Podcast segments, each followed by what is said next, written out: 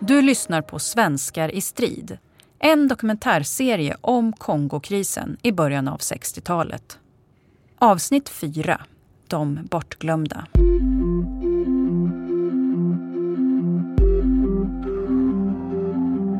När jag har pratat med pappa och de andra veteranerna om hur det kändes att komma hem från tjänstgöringen i Kongo har alla varit rörande överens om att mottagandet var väldigt kyligt från Försvarsmakten, men också från det svenska folket.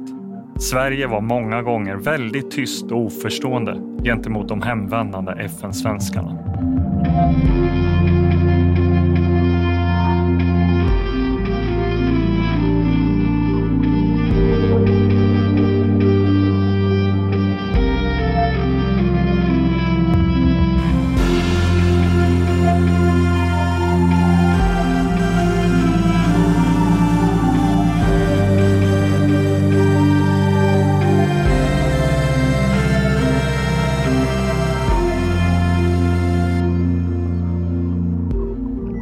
Pappa kommer hem från Kongo i månadsskiftet maj-juni 1962 och han minns tydligt hur han och hans vänner mottogs.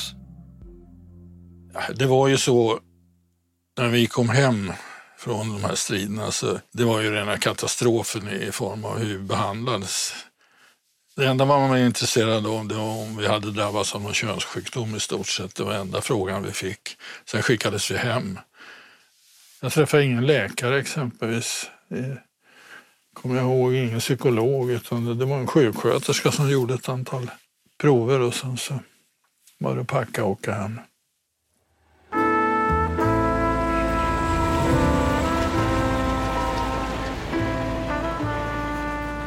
Ernst Thurdin berättar.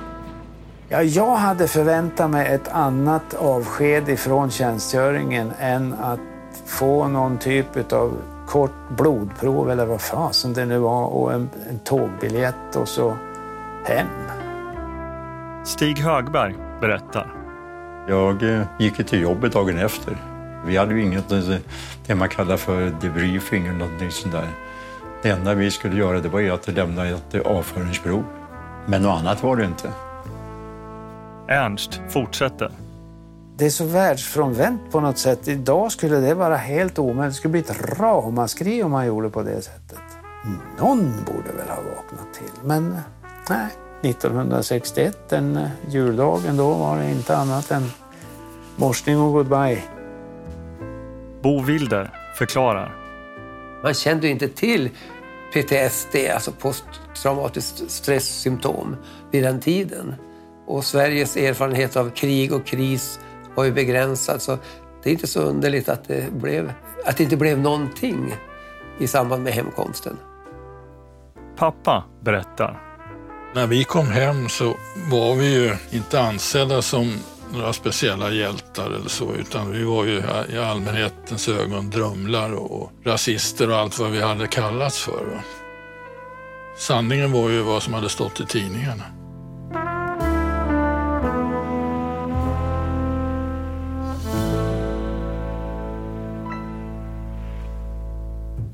Vad skrev de hemma då? Ja, det var ju det här eh, att eh, FN inte klarade av sin situation. Svenskarna eh, var rädda, svenskarna deserterade. Det var ju massa sådana där påståenden som inte hade någon förankring i verkligheten. Och att vi var fega. Och det var väldigt mycket skit som, som skrevs.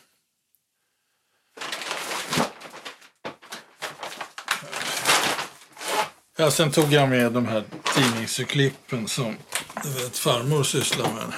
Just det. Pappa plockar fram en papperskasse med tre gamla pärmar som är fyllda till bredden med tidningsartiklar. Det är min farmor som har klippt ut och sparat dem under året som pappa var nere i Kongo. Och det är från olika, då, från Dagens Nyheter, Expressen oftast. Så att hon har varit väldigt idog. Det finns väldigt mycket. Vi börjar att bläddra bland artiklarna för att pappa vill visa mig några exempel på vad som skrevs i svensk press om FNs aktion i Kongo. Här ser du. Här. Skräckslagna FN-svenskar vill lämna tjänsten i Kongo. Katangesiska regeringskretsar uppgav att 30 svenska FN-soldater skulle ha deserterat och begett sig mot den rhodesiska gränsen i civila kläder. De skulle ha tillfångatagits av katangeser i närheten av gränsen. De som påstås vara deserterade var ju soldater som hade varit på en semesterresa innan striderna bröt ut och blivit fast utanför landet. Då. Men det beskrevs som desertörer. Men det var väl det, liksom det första intrycket av hur media hanterar det här och skulle hantera det fortsättningsvis. Det är klart att det var väldigt kontroversiellt att FN tog på sig så att säga, en stridande roll. Så det upplevdes väl av många som väldigt negativt och då tog man varje chans att svärta ner hela aktionen. Vi fortsätter att bläddra bland artiklarna och många rubriker talar ett tydligt språk. Svenskar kritiseras i Belgien. Störtflod av protester i den engelska pressen. Massivt Sverigehat. Och här ser du sån där typ propaganda. Den svenska FN-soldaten går han Grängesbergsbolagets ärenden. Det har startats en förtalskampanj i Europa mot den svenska insatsen i Kongo. Man påstår i själva verket att Dag Hammarskjöld försökte hjälpa den svenska storfinansen att lägga vantarna på Katangas gruvor. Det var alltså otroligt mycket sån här propaganda och smutskastning. Inte minst från Frankrike, Belgien och även USA faktiskt. För de länderna hade ju intressen här nere va? i gruvindustrin. För oss som var där nere så, så blev det nästan löjligt med alla överdrifter. Men det var ju säkert svårare för dem som satt hemma i Sverige att kunna värdera det hela på rätt sätt. Men det, det togs ju på allvar. Och det fanns ju väldigt starka krafter. Det fanns ju, det kallas ju Katanga-lobbyn i, i Sverige. Högt uppsatta människor som så att säga hade ekonomiska intressen i, i, i vad som skedde där nere som låg bakom alla de här angreppen som gjordes i press och massmedia i övrigt. De många blodiga sammandrabbningarna med Baluba Chenes i flyktinglägret är också något som svenskarna får stå till svars för. Pappa berättar. Tyvärr hände det ju incidenter där man var tvungen att öppna eld och Baluba Jeunesse blev dödade. Men det användes ju i propagandan mot oss då, som att vi glatt och villigt bara hade gått ut och skjutit folk. Inte det skeende som låg bakom. Den 5 oktober 1961, då svensken Per Martinsson misshandlas svårt i flyktinglägret, skjuts ett antal Balubas till döds när man försöker skingra den arga folkhopen i en krigssituation och med det här flyktinglägret så händer det ju saker som man kan tolka som rasism då och övergrepp. Men det är klart, blir man angripen och som i det här fallet med Martinsson då, nästan misshandlad till döds så finns det ju bara ett sätt att få slut på det och det är ju att öppna eld.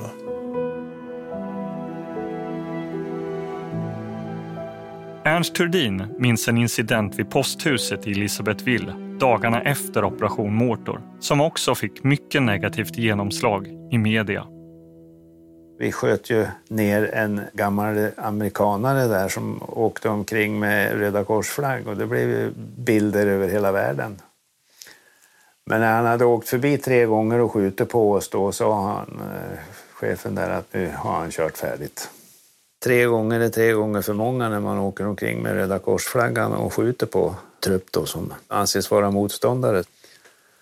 Varje gång han körde förbi så hörde man hur han varvade upp den och så körde han på så mycket som man kunde då förbi torget då. Och så stack de ut något automatvapen av något slag och sköt då. Så skulle du räkna med att de skulle hinna, hinna undan då.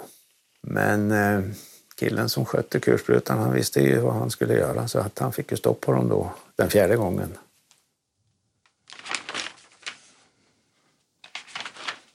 Pappa och jag bläddrar vidare i farmors pärmar och han stannar upp vid en artikel om så kallade krigssouvenirer.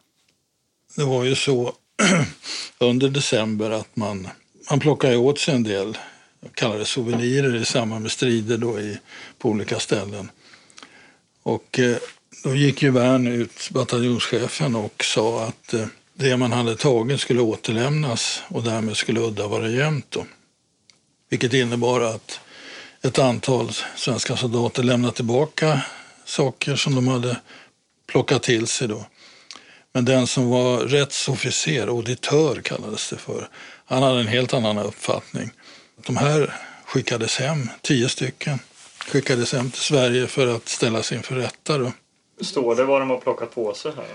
En av soldaterna hade i en villa tagit en radio, en filt och en spegel. Många av grabbarna klappade igenom under anfallet, berättar han. De kräktes, var psykiskt stressade, det var kallt och regn på nätterna vi hade brist på värmande persedlar. Därför tog jag filten. Filten var värd 10 kronor, hade man uppskattat det till. Och här är en annan då som man citerar. Ett halvdussin fruktknivar i etui var bytet för en annan soldat. Varför anmälde ni inte omedelbart att ni hade tagit etuiet undrade rättens ordförande? Jag kunde inte, striderna pågick. Och det var ju som när striderna var över och jag kom tillbaka till en villa där jag hade bott. Och jag hade ju inte en pryl kvar av mina personliga tillhörigheter. Det var ju borta alltihopa. Va? Så det här var ju inte någonting som bara svenskar ägnade sig åt utan det var ju alla som hade chansen snodde ju åt sig. Va? Och det var förmodligen gendarmer som hade varit i vår villa. Då. Varför tror du att man tog så hårt på det här då?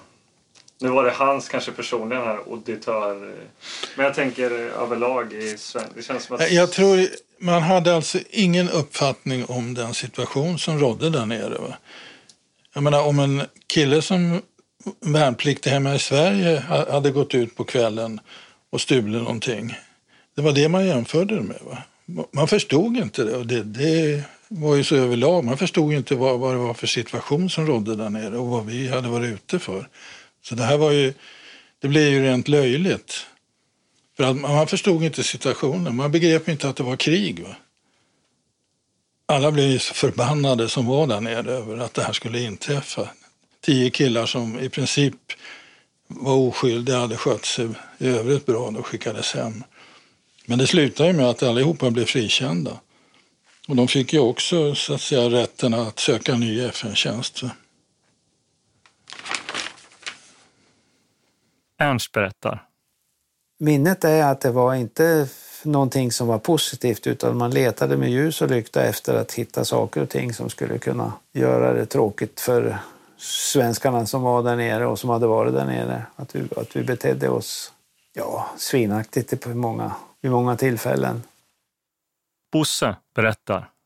Det fanns väl viss fog för kritik även mot FN-trupperna i, i, i Kongo. För det är klart att det skedde misstag. Det var ju trupp från, jag vet inte, 10-15 länder som var där nere. Det är klart en del misstag skedde, det är fullt klart.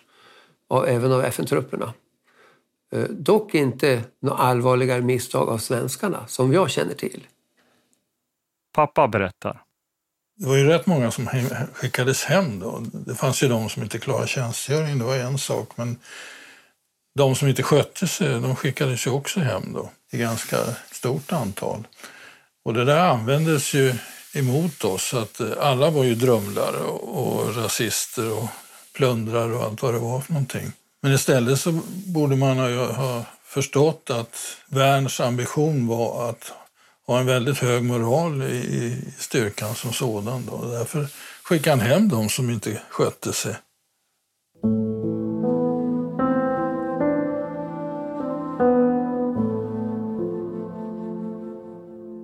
Den många gånger negativa bilden som FNs insats i Kongo får gör helt enkelt att intresset för de hemvandrande svenskarna är väldigt svalt. Pappa berättar. Man pratar inte om det så mycket. Man pratade en gång och sen så var det ingen idé att ta upp frågan igen för det var ju så att gemene man begrep ju inte vad, vad som hade hänt. Så du lämnade det bakom dig helt enkelt? Lite? Ja, det gjorde jag en lång period. Det var ju liksom ingen merit att tala om att man hade varit där nere precis. Och det så tror jag väldigt många eh, liksom agerar. Varken farmor eller farfar undrade någonting egentligen? Eller? Nej, eh, det kan jag inte säga. Eh, farmor var ju ja, väldigt glad över att jag kom hem och så vidare. Men det var ju Nej, det var inte så att man kunde prata om situationen. Jag vet du nämnde någon gång att eh, farfar bad dig hålla tyst. Om, om Ja, det. det är liksom också symptomatiskt eh, för hur det var den där tiden. Han jobbade då för Avesta järnverk som hade engagemang nere i Sydafrika, vilket innebar att han då i sin roll tog emot sydafrikaner från gruvor och järnindustri där nere då, som kom till Avesta.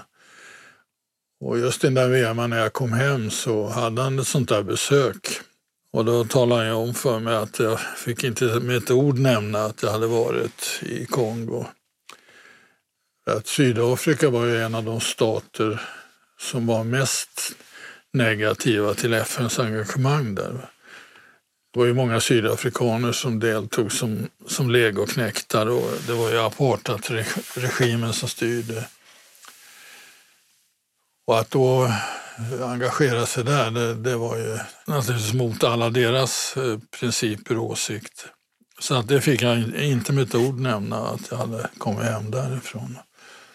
Det var ju bara att inse att eh, vi fick ingen hjälp direkt när vi kom hem. Det var ingen som ville höra vad vi hade upplevt. Och det var ju bara att tiga still så att säga. Tyvärr var det så illa. Ett poddtips från Podplay. I fallen jag aldrig glömmer djupdyker Hasse Aro i arbetet bakom några av Sveriges mest uppseendeväckande brottsutredningar.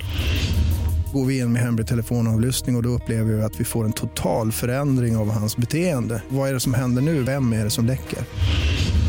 Och så säger han att jag är kriminell, jag har varit kriminell i hela mitt liv men att mörda ett barn, där går min gräns. Nya säsongen av Fallen jag aldrig glömmer på Podplay.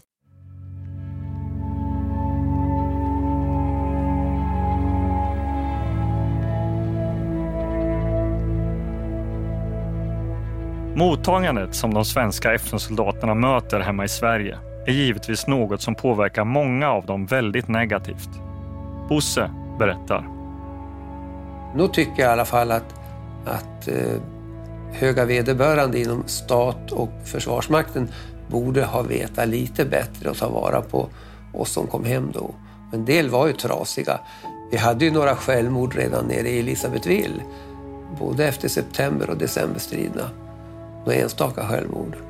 Eh, och det förekom ju även långt senare också hemma i Sverige. Man kan anta att det berodde på, på Kongoerfarenheter.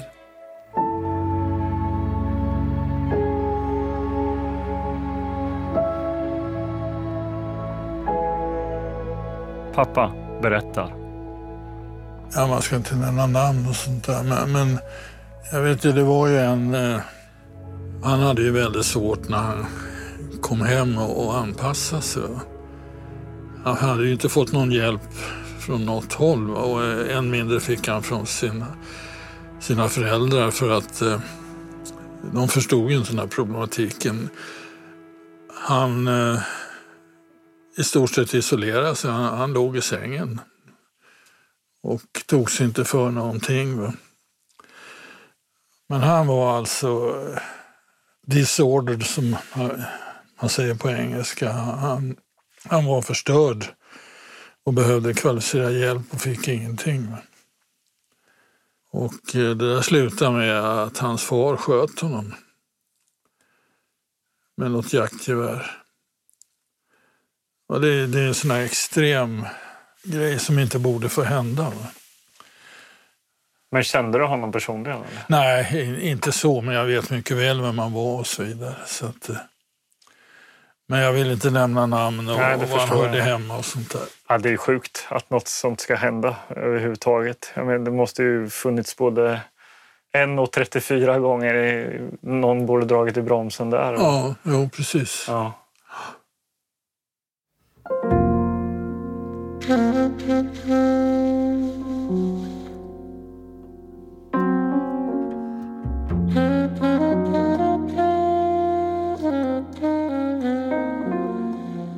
Efter 70-talet, då det förekom en hel del kritik i media mot FN-svenskarnas insats, startade man 1980 föreningen FN-veteranerna Kongo för att bemöta det hela. Pappa är själv delaktig i styrelsen sedan flera år tillbaka. Nu är det en helt annan syn på det som hände och, och vår insats så att säga. Det är snarast att det har liksom gått för långt ibland tycker man åt andra hållet, att man håsar oss väldigt mycket. Då. Men det, det bottnar väl i att man eh, ja, från officiellt håll agerar så tokigt tidigare.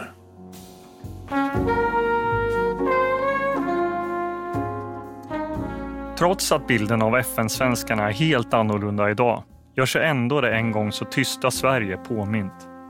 Pappa berättar. När vi hade varit 50 år i Kongo då skulle vi få ett minnesmärke av ÖB och samtidigt så skulle man ju så att säga medaljera de som var sårade i strider i Kongo. Det kunde ju inte Försvarsmakten göra. De kunde inte leta reda på de här. Man hade inte fört något register på det där. Utan Bosse Wilder var ju en sån som var väldigt engagerad i det här. Va? Så att han letade ju reda på flera stycken. Och bland annat var det ju om, om det här som skedde i eh, Albert Park då och före Albert Park. Där han hade mig som, som vittne. Han skickade in det här till Försvarsmakten och föreslog att de Kenneth Roos och en som heter Ek skulle få medalj för sårade strid då i, i samband med Albert Park. Så det var, gick till på det sättet. Va? Så att Försvarsmakten hade inte en jävla uppföljning på vilka som var sårade nere i Kongo. Vilket ju är jävligt konstigt. Det är helt sjukt. Ja, men du vet, det var 1960 va? Det, sånt existerar inte. Men jag tänker att det är så jävla mycket papper om allt, allt möjligt och ja, allt annat. Ja, nej, men det fanns inget register över sårade. Utan det var alltså enskilda personer som, som drev det här och fick fram uppgifter och så skulle de vidimeras att det var korrekt. Då, så att, eh, det var därför jag var så att säga vittne då till vad som hade inträffat.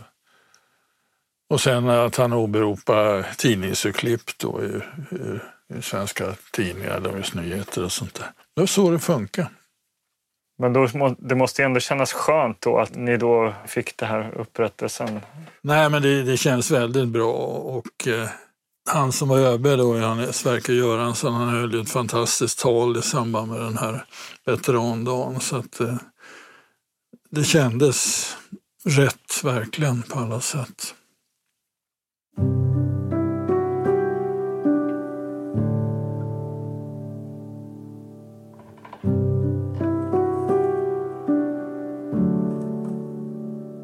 I maj varje år arrangeras den så kallade veteranträffen på ledningsregementet i Enköping. Stig Högberg är precis som pappa med i föreningens styrelse. Vi har ju aldrig under 100 deltagare på de här mötena och vi är ju 440 eller 460 medlemmar. Vi skulle kunna vara ungefär 4 000 men det finns ju en del som inte vill vara med och det får man acceptera. Men föreningen är väldigt betydelsefull jag Ja, det tycker jag. Ernst berättar. Den fyller ett, eh, ett syfte av mer omfattande slag än vad man kanske riktigt har förstått. Den eh, har givit möjligheter för många att eh, kunna ge uttryck för saker och ting till lyssnande öron som inte liksom reagerar negativt på det utan kan ha mycket stor förståelse att en person har de funderingar som de har i förhållande till vad de har upplevt. Här har jag fått till hela plutonslistan på de som lever. Stig plockar fram en förteckning över hans vänner från Kongo. Ungefär varannan vecka så ringer jag någon av de här grabbarna och, kollar hur de mår och, och försöker få dem att eh, komma. Och, så att jag tror det är väldigt viktigt att eh, att de är med och eh, får höra att de inte är ensamma om sina upplevelser utan det, det stämmer det de har varit med om. Men det är något speciellt band som ni har? Ja, det är det. Pappa berättar. Jag menar, den, den uh, upplevelsen och den gemenskapen man har är ju fullständigt unik. Så att de här årsmötena som är på två, tre dagar då man umgås. Det är ett väldigt andningshål det där att träffas. Jag tror alla upplever det på det sättet. Det finns en enorm gemenskap. Och så länge man bara kan och orkar så är man ju med på, på mötena.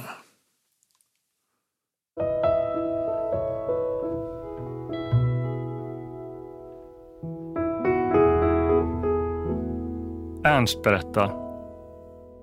Det vi var med om, det, det var ju väldigt speciellt naturligtvis. En upplevelse som är, är mycket utöver det vanliga. Postkontoret, ja, det tänker jag ju på naturligtvis varenda september. Det är ju inte frågan om annat. Ibland kan man ju undra hur, om det finns någonting som lever kvar igen efter upplevelserna där. Men, men eh, så har jag inte upplevt det. Men, men jag vet inte hur jag skulle reagera om jag blev utsatt själv för fysiskt våld. Jag undrar hur jag skulle reagera då. Jag tror, personligen tror jag att jag skulle bli jävligt våldsam. Skulle bli livsfarlig helt enkelt. Men, men det, det kan jag inte uttala mig om. Jag har inte blivit utsatt för det på ett sånt sätt så att det har triggat igång mig på det sättet. Men det är ju liksom... Eh, Mm, jag, jag, jag fruktar en sån situation faktiskt. Jag vet inte vad jag skulle ta till. För du tror att du har burit med dig någonting från Kongo? Eller? Men, ja, möjligen. Det skulle jag kunna tänka mig.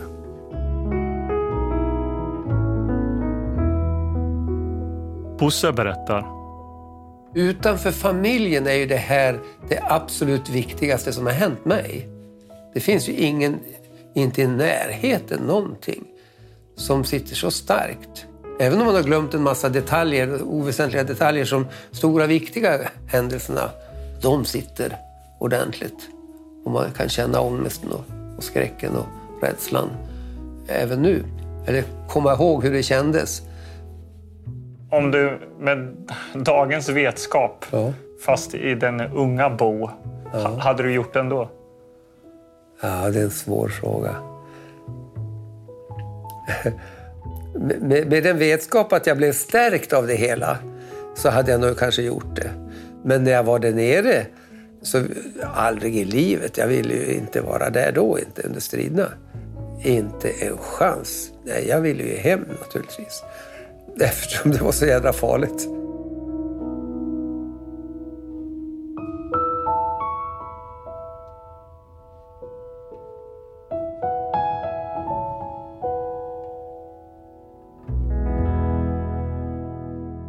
Vad tror du att du har tagit med dig från, eh, från Kongo?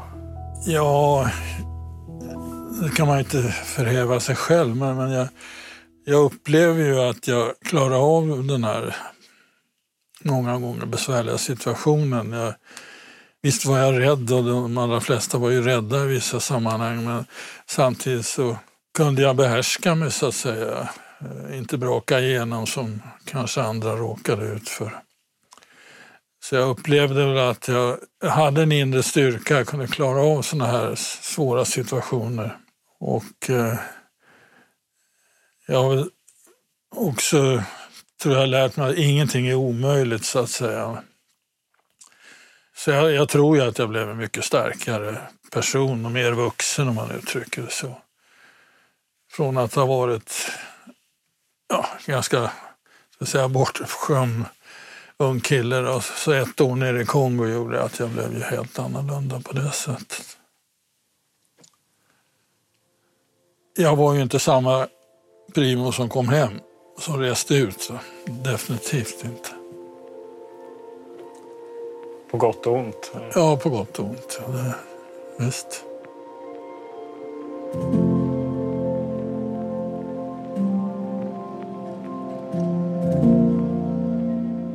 Det tysta Sverige som pappa, Ernst, Stig och Bosse mötte vid hemkomsten och som gjorde att alla fyra mer eller mindre höll sina upplevelser för sig själva under många år. Det har varit mycket påtagligt i våra möten och samtal. Känslan av ett uppdämt behov av att prata och en glädje över att möta någon som faktiskt är intresserad av vad de har varit med om har varit tydlig. Nu kommer morsan med fika här ser jag. Ja.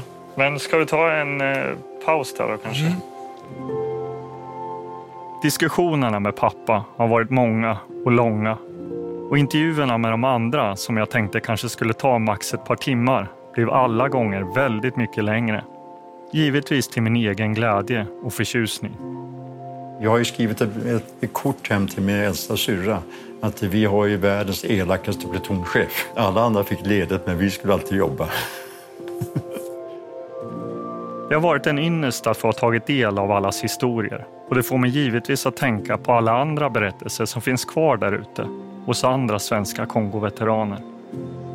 Men vi hade ju dålig mat överhuvudtaget tyvärr. FN-kråka har du väl hört talas om? Alltså den här kycklingen eller hönan som vi fick ofta. Nej, det var illa. Kanske har du som lyssnat på den här serien en morfar eller farfar, morbror eller farbror som deltog i den svenska FN-styrkan i Kongo. Jag lovar dig att han med största sannolikhet skulle uppskatta att någon satte sig ner och lyssnade. Och om jag ska vara krass så finns kanske inte möjligheten att höra hans berättelser kvar så värst länge till. Ska du sätta punkt här? Ja, det kan vi göra. Nu börjar min mage kurra lite faktiskt. Jag vet inte hur det är med din. Ja, vi kanske ska åka in och äta pizza. Ja, varför inte? I nästa och det sista avsnittet.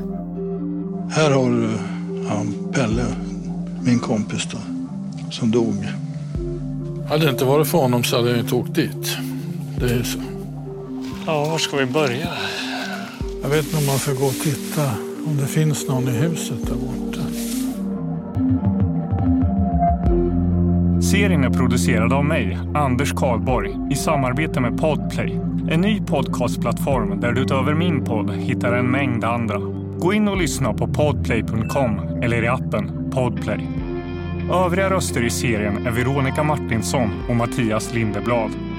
Ljudmixen är gjord av André Parklind och vignettmusiken är producerad av Maria Ackefors.